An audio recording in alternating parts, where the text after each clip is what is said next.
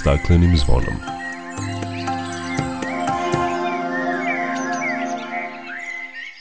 Dobar dan i dobrodošli na Zeleni talas prvog programa radija Radio Televizije Vojvodine. Ja sam Dragana Ratković. Močvare i ljudsko blagostanje je moto pod kojim je obeležen 2. februar, Svetski dan vlažnih područja i ukazano je na ključnu ulogu močvara u ljudskom prosperitetu i zdravoj planeti. Govorit ćemo o značaju vlažnih područja i dobrobitima koje nam one pružaju. Skoro 90% svetskih močvara je degradirano. Čućete koje mere zaštite preduzimaju u specijalnom rezervatu prirode Zasavici kako bi ovo vlažno područje bilo očuvano, a biodiverzitet zaštićen.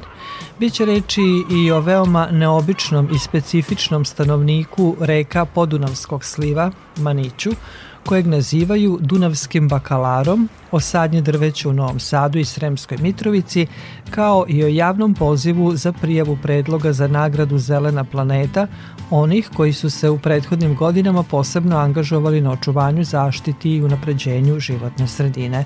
O ovim temama više nakon pozdravne pesme. Dok priroda kraj nas plače za vladarskim svojim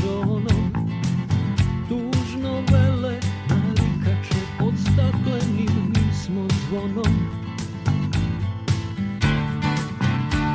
Znaj više nema Sve manje je i ozona Protiv sebe ide čovek i to često bez pardona. Uništenju živog sveta Kao da su ljudi skloni Čovek sam je sebi meta Zbog njega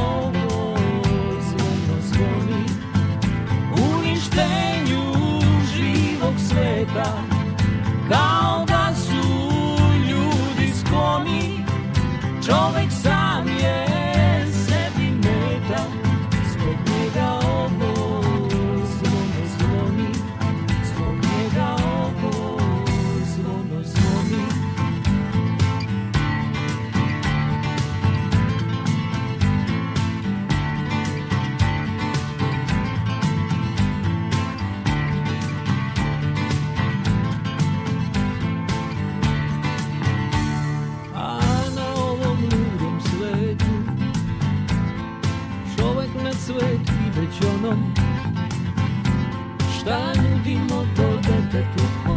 stakleni kad smo zvonom. Uništenju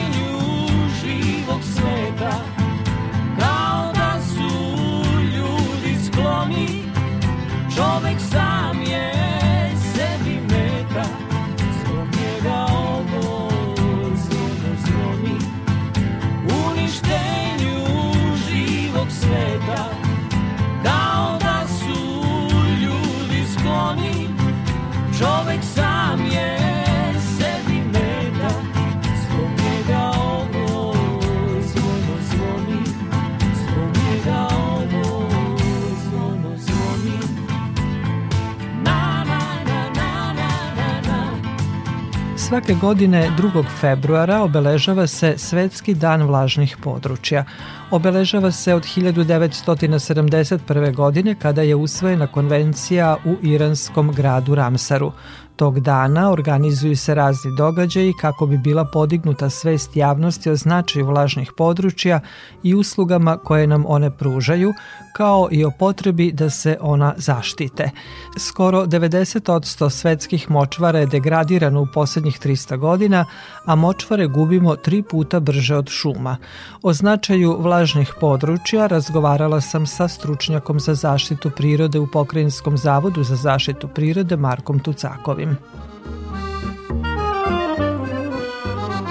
U posljednjih 50 godina nestalo je negde oko jedne trećine vlažnih područja i zbog toga je važno da tog dana 2. februara malo podsjetimo javnost na značaj vlažnih područja i na taj način podižemo svest ne samo na nacionalnom nego nekom i globalnom svetskom nivou. Pa može da krenemo od toga da nam kažete zbog čega su ta područja važna? Cela priroda je resurs bez koga čovečanstvo ne može da živi, a čini mi se da su vlažna staništa resurs bez koga ne može ni da se zamisli. Sve drevne civilizacije nastale su u dolinama velikih reka i zahvaljujući rekama, zahvaljujući poplavama i svemu što su poplave donele u smislu bogatstva i plodnosti zemlje, u smislu hrane za ljude, u smislu klime koja je povoljna za život i tako dalje, tako dalje. Toliko su brojne dobrobiti koje čak i od vrlo malih vodenih staništa mi imamo, da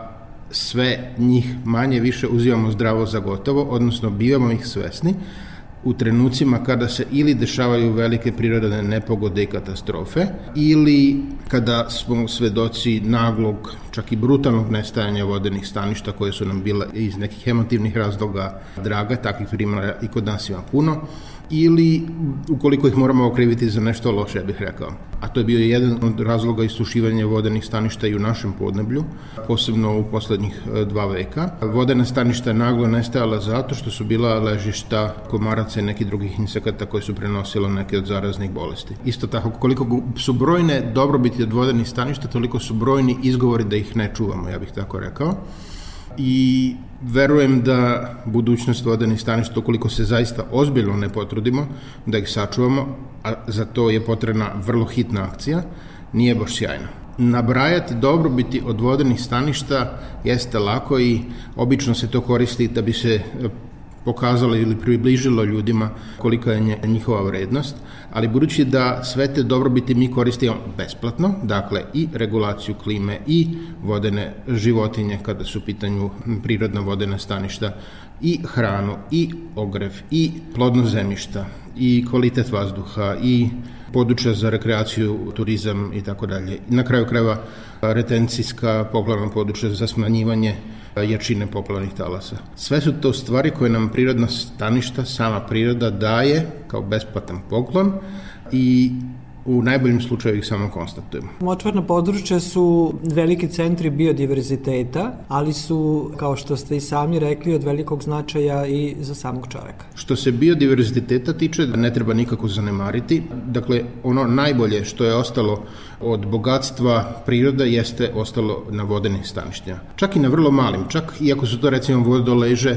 sada ih ima dosta na poljoprivrednom zemljištu. Vrlo brzo će početi prolećna se ova ptica i oni će se upravo skupati na takvim mestima. Gde god ima malo vode, to za njih signalizira mogućnost da se prehrane i nastave svoju seobu. Kada su u pitanju naše velike reke i njihova poplavna područja, tada je to prisutno mnogo većem ovimu. Dakle, poplavna područja Dunava, Tisa i Save jesu vrlo značajna staništa za migraciju ptica i drugih migratornih životinja. Reke su same po sebi ekološki koridori, posebno e, za ribe i druge vodene životinje, tako da za Ptice koje zimuju na našem području, a dakle to su gnezdarice dalekog severa i uh, severoistoka, tundri i tajgi iz cele Evroazije, da se otprilike godišnje oko 300 do 500 hiljada primeraka različitih vrsta, ima ih negde oko 30 ptica vodenih staništa, zadržava ovde kod nas. Za njih je ovo topli jug, rekao bih, i ne bi ih bilo tu. Znači, fizički bi se verovatno premestila na neka druga područja, da nema još uvek značajnih vodenih staništa koje su s jedne strane mirna dovoljno, s druge strane imaju dovoljnu ponudu hrane, da bi se ona tu zadržala. Vrlo slično i sa nekim drugim životinjama. Dakle, kada je pitanju biodiverzitet, stvar je vrlo jasna. Kada smo u pitanju mi ljudi, Rekao bih da postoje određeni pomaci i vrlo smo u Pokrajinskom zavodu za zaštitu prirode zadovoljni. Prošle godine naime proglašeno sedam novih zaštićenih područja u Vojvodini. Mislim da su svih sedam u stvari sa ili u potpunosti e, vodena staništa ili sa značnim elementima e, u smislu pokrivenosti vodenim staništima, a izdvojit ću najveće od njih, to je predo izuzetnih odlika Potamiše, dakle praktično cela vredna dolina srednjeg toka Tamiša koja nije još regulisana je zaštićena kao zaštićeno područje e, veličine gotovo 25.000 hektara. Možemo istaći i pozitivne elemente. Ne bih i sama zaštita prirode i proglašenje zaštićenih područja značilo puno ukoliko sada ne bismo njima upravljali na takav način da i dalje ostanu pogodna za prirodu, ali zaštićen područja su uvek i za ljude i ostavljaju puno mogućnosti za razvoj različitih oblika aktivnosti koja ne štete prirode. Znači taj balans, ja mislim da je to spasonosno za budućnost vlažnih područja. Od 11 e, područja na Ramsarskoj listi u našoj zemlji, 8 je u Vojvodini i nominaciju ovaj, njihovu je upravo uradio pokrenjski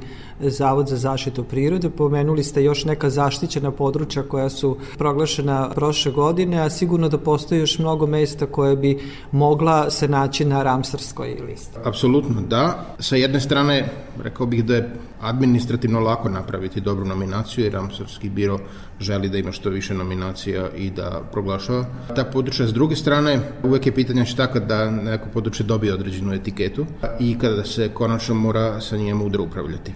Nijedno od navedenih područja koje imamo u Srbiji, Ramsarsko priznanje ne bi mu značilo puno, da zaista sada nismo spremni da mudro upravljamo tim vodenim staništima. Ali ih ima naravno još, i to puno. Voleli bismo da u tom smislu više radimo, to Zavod pokušava na različite načine, na e, promociji dobrog upravljanja, a da malo usporimo tempo novih nominacija. To je duh Ramsarske konvencije, to se ponavlja na svakoj konferenciji zemalja potpisnica koje se redovno dešavaju. I volali bismo da vidimo Pa neki minimum, a to je da svaki korisnik svakog hramasarskog područja, vlažnog područja, bude svestan njihovog značaja. Možda bi u tom smislu njihova budućnost bila izvesnija. Pomenuli ste mudro upravljanje, kažu negde oko 90% vlažnih područja globalno je ugroženo, s obzirom da ste vi i nominovali ova naša područja za Ramsarsku listu, pratite njihovo stanje i preduzimaju se određene mere kako bi se oni sačuvali, čak unapredilo stanje, pa koje su to mere ili možda neki dogledni primer gde se to najbolje vidi? Koliko su intenzivno i devastirajuća bila uništavanja vodenih staništa, toliko je sad potrebno zasukati rukave i potrošiti prilično velike svote novaca da bi se neka od njih pokušala vratiti ne u prvobitno stanje, nakon devastacije, nego u neko stanje koje je primereno sadašnjim okolnostima. Uzet ću za primer Gornji Podunavlje, Ramsako područje specijalnih rezerva prirode i niz drugih e, priznanja u smislu zaštite prirode, na kome je upravo ovih meseci počeo jedan veliki life projekat, dakle to je područje koje se nalazi unutar i rezervata biosfere Mura Drava Dunav, i jedino u Srbiji unutar njega u kome je predviđeno veliki projekat revitalizacije vodenih staništa. Ostala područja su ostale četiri države unutar rezervata. Šta će se raditi ili šta, se, šta je u stvari problem? Najveći problem je taj što iz godine u godinu mi praktično nemamo ništa od poplave u nekadašnjem poplavnom području. Sa jedne strane to je hidrološki problem, onakve poplave na Dunavu kakve smo zabeležili uh, u istoriji gotovo da više ne postoje, usled različitih kompleksnih utjecaja i klimatskih promena i nekih drugih poplave su sve ređe i sve manje izdašne.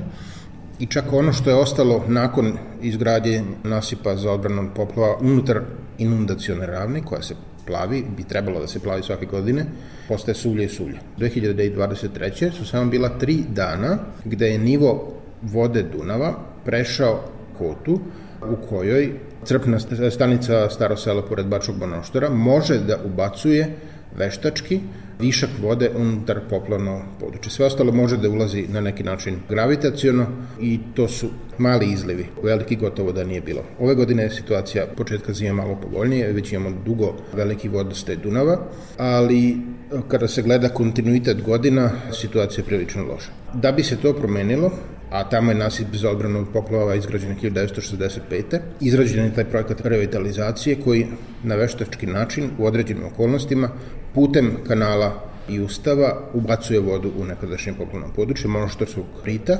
Kroz nekoliko faza to će biti urađeno u live projektu koji je upravo počeo, gde su glavni partner Vojvodina šume. Evo, za ilustraciju to će koštati oko 2 miliona evra. Trenutno takva sredstva u zaštite prirode nije teško pronaći i okolnosti za projekte oživljavanja vodenih staništa su prilično povoljne, tako da su to neke dobrih novosti. Dakle, donatori ja bih rekao, Evropska unija na prvom mestu, su svesni vrednosti i potrebe revitalizacije vraćanja u život vodenih staništa i mislim da moramo iskoristiti tu priliku da što više naših staništa kandidujemo na te liste. To je skuplja varijanta. Jeftinija varijanta jeste stalno biti posvećen zaštiti vodenih staništa, no i ovakve nekad, e, intervencije su nekada neophodne.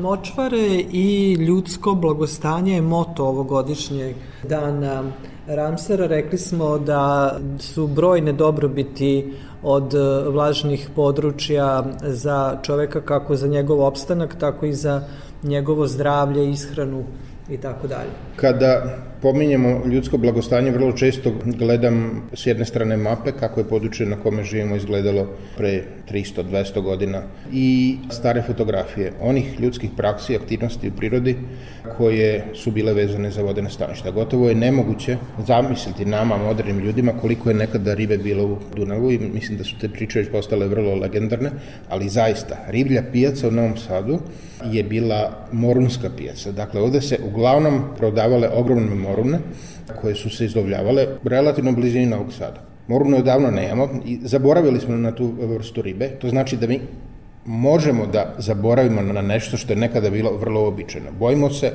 da se to može desiti sa mnogim, mnogim ribama koje sada, evo, uzimamo zdravo za gotovo. Postoje hiljade sportskih ribolovaca koje love bez dozvola, smatruju da im ribe koje rekreativno love pripadaju, da je za njihovu zabavu ili već koje potrebe imaju, sasvim normalno da izađu na obližnju vodu, da zabace udicu i da pecaju.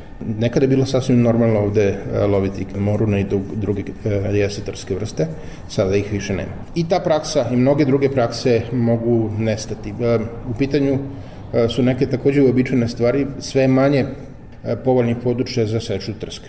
Imamo sve više firmi u Vojvodini koje se bavi eksploatacijom trske, ali područja gde trska raste, gde su stabljike dobre, u ekonomskom, komercijalnom smislu, su sve manja i manja. Dakle, traži se svaki kvadratni metar, to znamo zato što nam za takve aktivnosti stiču zahtevi za izdavanje uslova zaštite prirode. Firme se otimaju za dobru trsku. Sve manje plitkih vodenih staništa gde trska raste, sve više je devastirajućih uticaja kao što je zagađenje, neprekidno spaljivanje, pretvaranje vodenih staništa u neka druga. Sve više izgradnje infrastrukture, to treba reći, može se konstatovati da vrlo značajni elementi putne infrastrukture prelaze preko reka i poplovne područja. Evo imamo najbliži primjer Petrovaradinskog rita koji će biti presečen ogromnim mostom i vijaduktom i već, već delimično jeste. U tom smislu e, močvarnih staništa su nešto što je potrošna roba i što treba zaista planskim merama očuvati. Pri svakoj drugoj aktivnosti. Čini mi se da nam je ovo potrebno na jedan drugi, možda ponekada indirektan, ali e, način koji zahteva zaista veliku svest o tome da je reč o potrošnom resursu i da se moramo zauzeti za budućnost vodenih staništa. Hvala vam lepo. Hvala.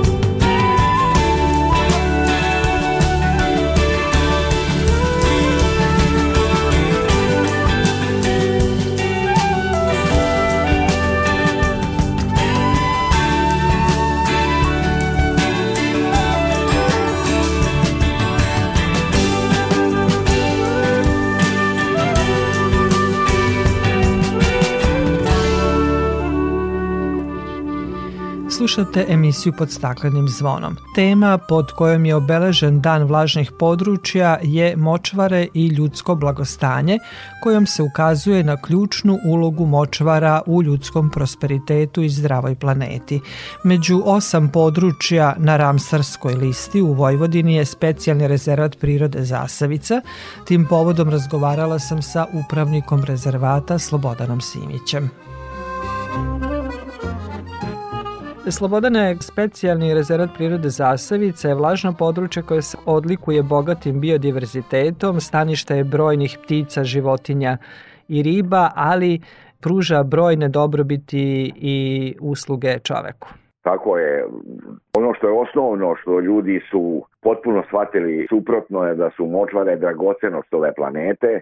Mi smo ih na planeti smanjili drastično, a oni su najveći prečistači prirode. To je jedna odlika i nama su važne ti prečistači. Mi u Zasevici to imamo sticajem prirode genijalno. Prvo se drinska voda pročisti kroz šljunak i pesak, a onda kroz močvaru. Tako da sve te vode, govorim sad i o Zasavici, ali naravno svim močvarama služe za jedno prečišćavanje, iako to običnim ljudima koji o tom ništa ne znaju, deluje da to nešto prljavo, nešto zamućeno i tako dalje i, gledali smo da, da to što više smanjimo. Druga stvar koja je tu jako bitna, močvare su izvor neverovatnog biodiverziteta. To na primjer u Zasavice naravno smo videli, ali primjer je i na drugim mestima. Konačno kažu naučnici da na jednom kvadratnom metru zemlje, ako ima 100 vrsta života, na kvadratnom metru močvare ima iljadu, pa se deset puta više živih organizama koje tu nešto rade. A to nešto je naravno u sklopu onome što je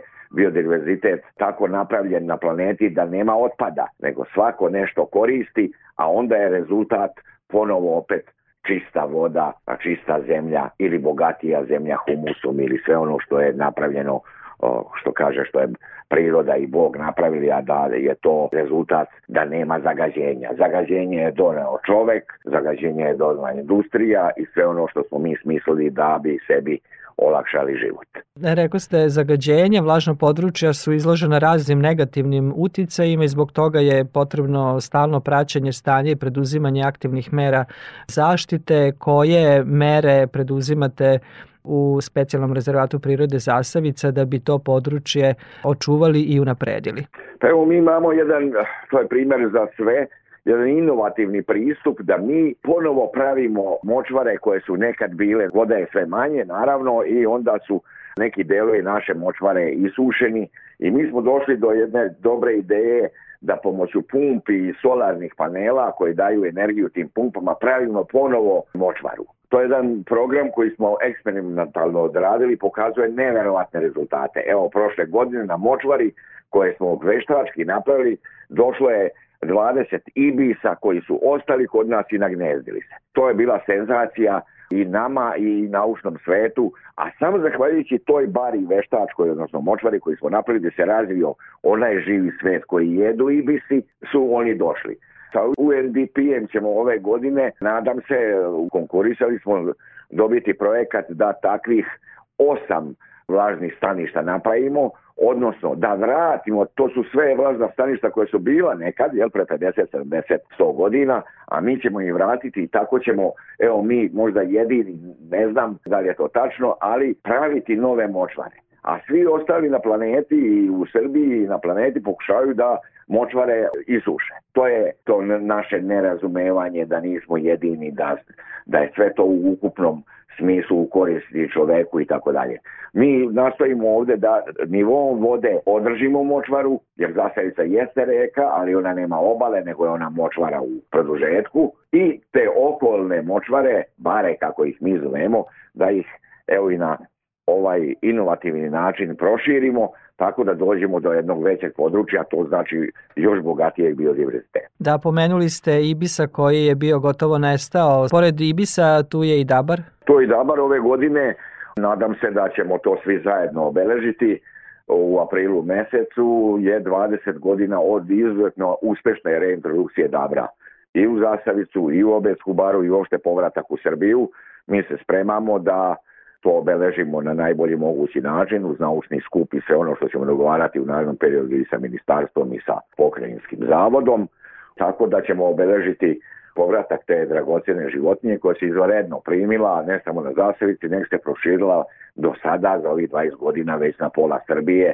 I s obzirom da prirodni neprijatelja nema, ja se nadam za naredni 20 godina da će se svi oni toponimi koji se zovu Dabrova reka, Dabrova bara i tako dalje, koji podsjeće na to da su nekad bilo Dabro, da će ponovo Dabar tu doći. To je ovako jedna od naših najlepših aktivnosti. E, Slobodane, hvala vam lepo za razgovor i učešće u programu Radio Novog Sada i nadam se da ćete nastaviti s aktivnostima, da vratite močvare, kao što rekoste, da proširite e, vlažna područja na Zasavici i time obogatite biodiverzitet i naravno sve one dobrobiti koje takva područja pružaju za čoveka. Hvala i vama, hvala što nas pratite i ispratit ćete siguran sam i sve ove aktivnosti koje ćemo imati ove godine na Zasavici. I naravno svim slušalcima dobrodošli ste uvek na Zasavicu koja radi 365 dana. Da, Zasavica je jedno od najpoznatijih i najposećenijih, možemo reći, naših zaštićenih područja. Slobodane, hvala. Tako je i hvala vama na tome da ste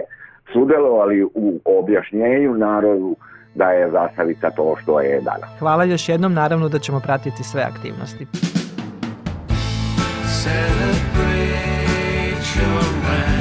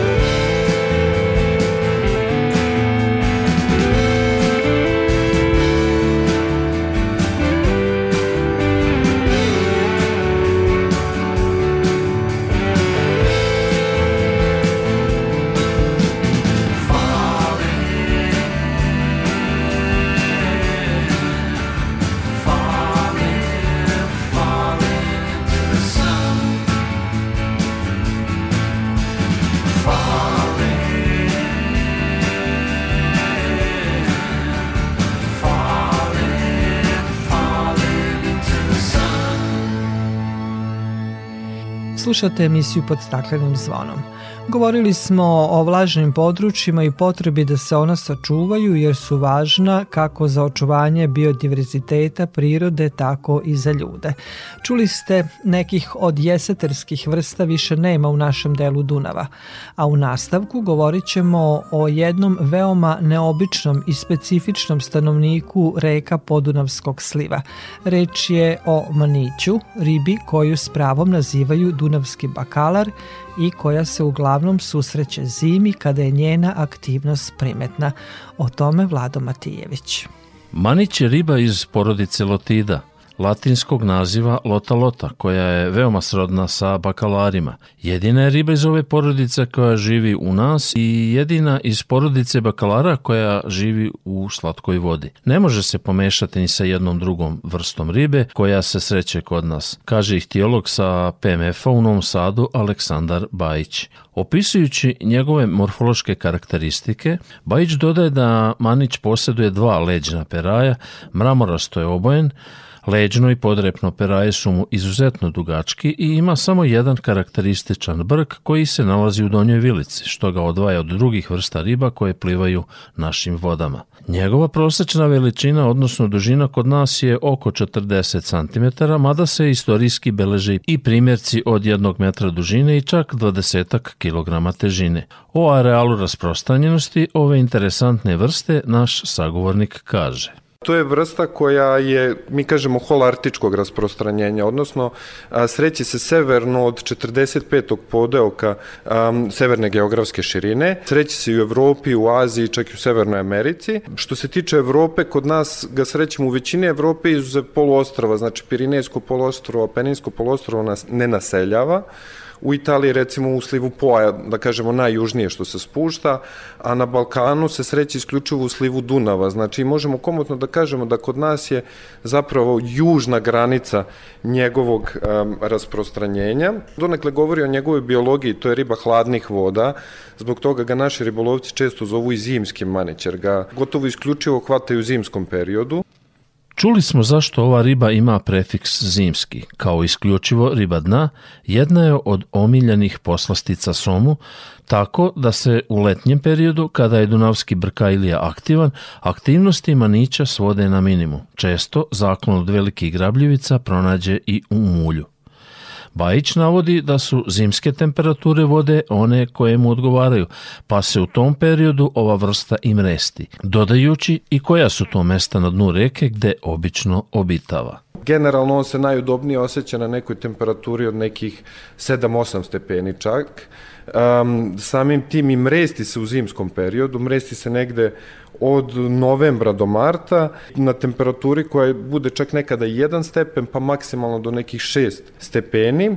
A ono što Manića recimo prilikom resta, da kažemo, odlikuje kao i većinu bakalara jeste da je izuzetno plodan, a, odnosno da ženke polažu jako puno jajašaca. Literaturno, da kažemo, neki maksimum je oko milion i po jajašaca koje one mogu da, da polože. Ikra je semipelaška, što znači da ona pluta u otvorenoj vodi neki period i posle toga pada i lepi se za samu podlogu, zbog toga što se mresti u hladnom periodu, sam razvoj jajašaca dugo traje, znači neki 40 pa čak i do 70 dana u zavisnosti od temperature. Mlade larve ostaju u tom nekom gornjem sloju vode, ali već posle dva meseca se larve spuštaju na samo dno i postaju bentosne, da tako kažem, odnosno vezuju se samo dno i manić u suštini da kažemo, ceo svoj život provodi kao riba koja je vezana za dno. Iako nije baš neki sjajan plivač, ja verujem da će on često da zapravo uzme maticu Dunava, maticu naših velikih reka, gde je najveća dubina i gde je temperatura najniža.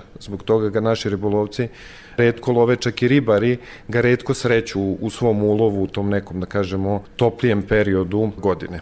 Ove zime visok vodostaj Dunava i Tise gotovo je onemogućio ljubitelje pecanja manića. S obzirom na svoje poreklo, manić je interesantan i na tanjiru, kao i mnoge ribe Baltičkog pojasa. Radi se o veoma ukusnoj ribi koju konzumiramo zimi u periodu kada se jedino i lovi. Vrlo redki su slučajevi da se upeca leti pa čak se ne može naći ni u mrežama alasa.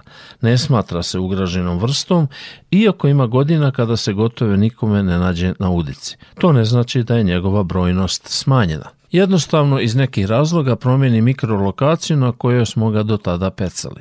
I jedna zanimljivost – oktobra davne 1970. godine opisan je u Guinnessovoj knjizi rekorda kao najređa britanska riba, koja je skoro izumrla. Ovo skoro je pod navodnicima. U interesu očuvanja rekorda dogovoreno je da se ni jedan zapis o ovoj ribi ne objavi bar do 74. Dakle, naredne četiri godine, da bi rekord opstao što duže. Ovo je u stvari bila i jedna vrsta obmane javnosti bistro svima kojima niće žele da upecaju još ove zime.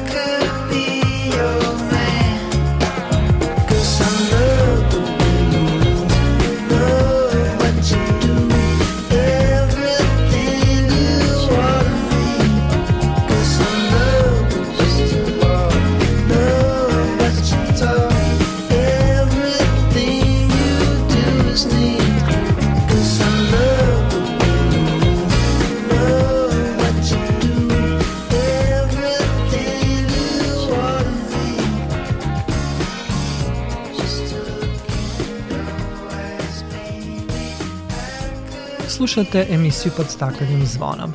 Ministarka zaštite životne sredine Irena Vujović je izjavila da će to ministarstvo do 2027. godine izdvojiti više od 700 miliona evra za izgradnju kanalizacija i postrojenja za prečišćavanje otpadnih voda, a oko 300 miliona evra za regionalne reciklažne centre i trudit će se svim snagama da poboljšaju kvalitet vazduha u zemlji.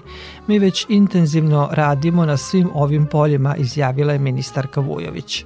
U više od 200 javnih institucija u narednom periodu biće zamenjeni kotlovi, a lokalne samuprave mogu da se jave za konkurs za zamenu kotlova u javnim ustanovama. Za to je izdvojeno 800 miliona dinara. Prema njenim rečima, novac od Ministarstva za zamenu kotlova izdvojen je i za individualna domaćinstva. Konkurs je još otvoren, a takođe biće otvoreni konkursi za zatvaranje smetlišta i divljih deponija kao i konkurs za zatvaranje nesanitarnih deponija. Na prečistaču otpadnih voda u Vršcu puštena je u probni rad nova linija za preradu mulja, čime je završena modernizacija tog postrojenja. Savremeni prečistač zajedno sa fabrikom za preradu pijaće vode Vršac svrstava među najbolje ekološke primere u zemlji. Analize se rade svakodnevno i pokazuju da kvalitet otpadne vode koja izlazi iz postrojenja zadovoljava i domaće i evropske ekološke standarde i potpuno je neškodljiva za životnu sredinu. Izgradnjom nove linije rešeno je pitanje mulja koje se sada pretvara u praškasti neopasni otpad koji će biti korišćen na lokalnoj deponiji. U Vršcu se još 1984. godine uporedo sa izgradnjom kanalizacione mreže na koje je danas priključeno 95% domaćinstava u gradu radilo na projektovanju i izgradnji prečistača otpadnih voda.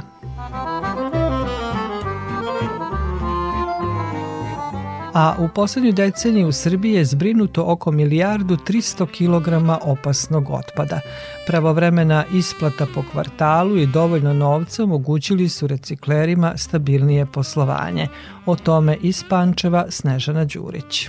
U BIS reciklažnom centru u Omoljici u 2023. godini prikupljeno je i prerađeno oko 7.500 tona električnog i elektronskog otpada, što je za 15% više u odnosu na dugogodišnji prosek. Cilj je da se tretmanom otpada izdvoje materijali koji će ponovo naći primenu u proizvodnji. Kaže Nikola Egić, direktor BIS reciklažnog centra i predsednik Udruženja reciklera Srbije.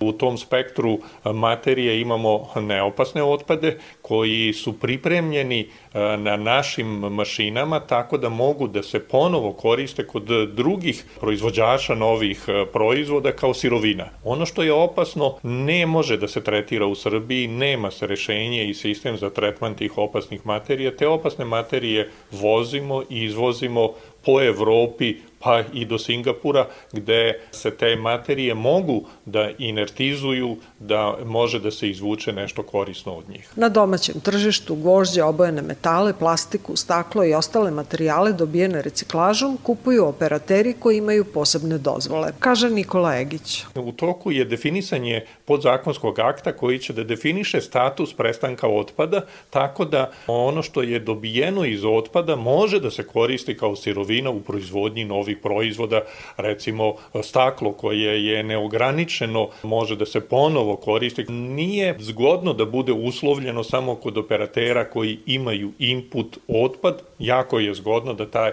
materijali mogu da se koriste u bilo kojoj proizvodnji za dobijanje novog proizvoda. U BIS reciklažnom centru kažu da su zadovoljni visinom sredstava i kontinuitetom isplata naknada za reciklere od strane države. Isplate koje su poslednjih nekoliko godina na kvartalnom nivou omogućavaju bolje planiranje poslovanja i nabavku opreme koja prati potrebe tržišta.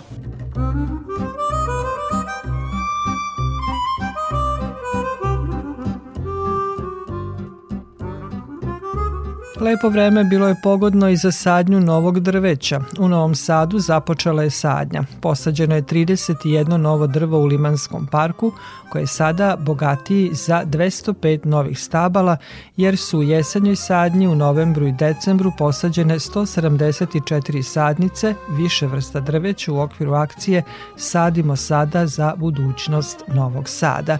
Sadnja drveća nastavlja se u februaru i martu u svim delovima grada iz gradskog zelenila napominju da se prilikom sadnje drveća u svakoj sadnoj jami koristi kompost koji je proizveden u kompostilištu gradskog zelenila.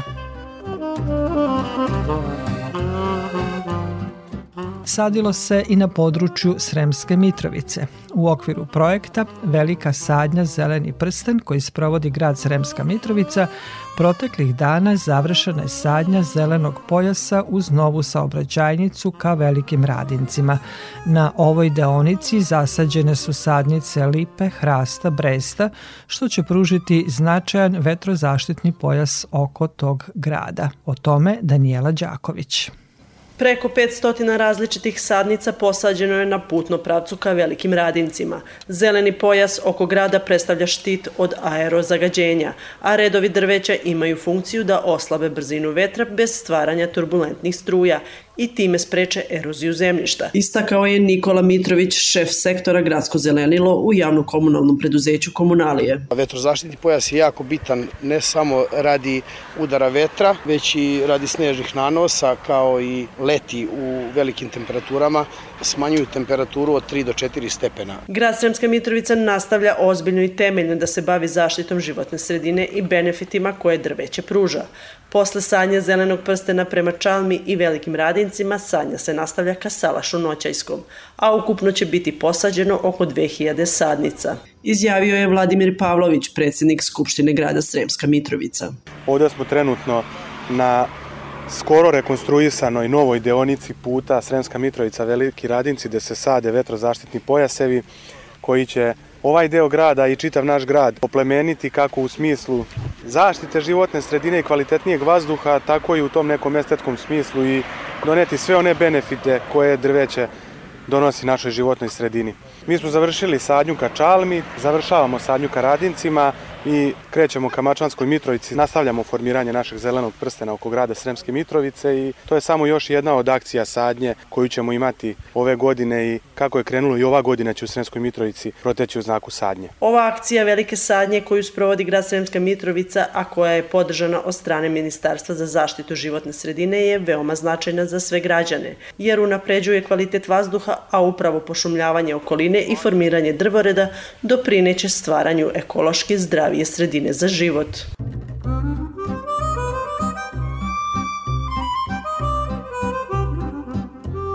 Slušate emisiju pod staklenim zvonom.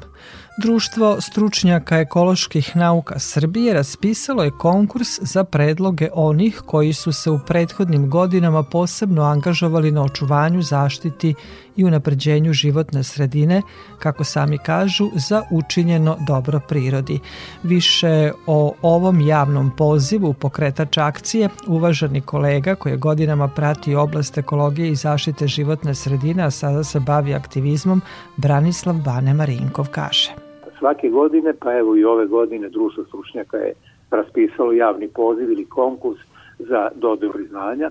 Priznanje se, kao što pretpostavljam da slušalci znaju, dodeljuje za više uspešno angažovanje na polju ekologije. Pravo učešća na konkursu imaju pravne i fizička e, lica sa teritorije Republike Srbije i konkurs je otvoren sve do 31. marta e, ove godine. E, velika povelja Zelena planeta, kao što znate, dodeljuje se na Dan planete Zemlje 22. aprila. Imamo specifičan način rada žirija, tako da garantujemo da će dobiti onaj koji stvarno zaslužuje kao svih ovih godina. Pravo učešće imaju svi koji su nastanjeni na teritoriji e, Republike Srbije. Uslove naravno da su u prethodnih desetak ili više godina bili aktivni na očuvanju zaštiti i napređenju životne sredine.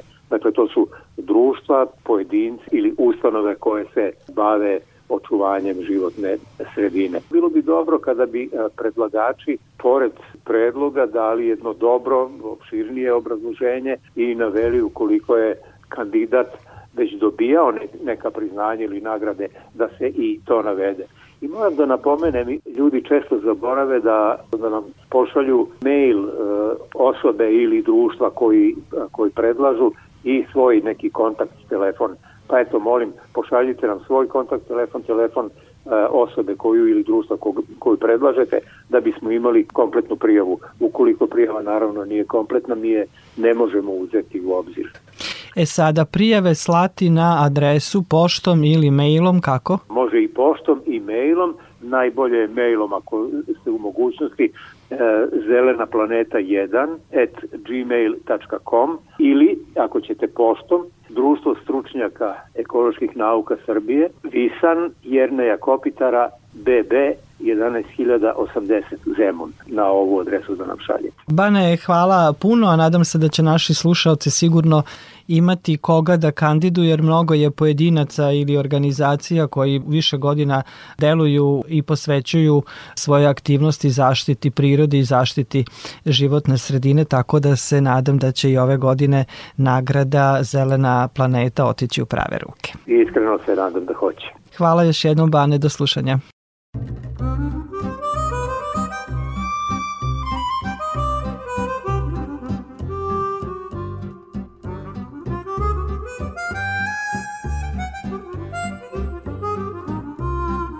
Toliko u ovom izdanju emisije pod staklenim zvonom koju možete slušati i odloženo na podcastu Radio Televizija Vojvodine na adresi rtv.rs.